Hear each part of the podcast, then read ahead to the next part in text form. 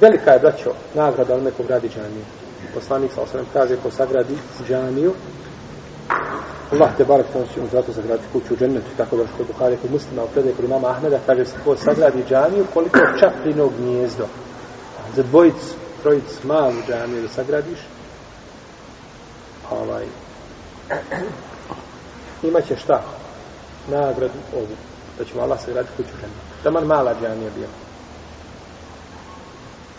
Zato neka olema govorila da nije dozvoljeno kazati mala džamija. Niti dozvoljeno kazati mali Kur'an. Nego se kaže manja građevina džamije, ili manji format mushafa i tako nešto, ali ne mali mushaf i mala džamija. I o tome govori Ibn Davud ima svoje dijelo koje zove Masahik i o tome su spominjali. I on nama to spominje, da li je dozvoljeno kazati mala džamija i mali mushaf. To ne tiče.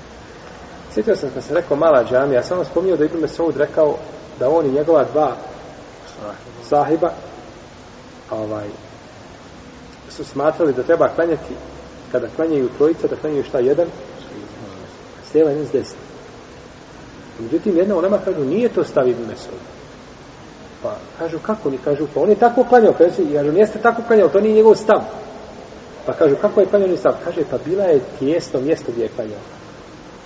Znači, nije mogao stati, nije bilo toliko mjesta, nego mogao da stanu sve trojice da klanjaju, a dvojica ne mogu iza njega. Tako je bilo usko, kao neki hodnik da ima, jel? Pa ne mogu, kaže, sve trojica nikako nisu mogli stati šta u istu liniju. To je pokušao, znači, e, dokazati da se on nije zastupao taj stav. Iako je ispravno da jeste, Allah.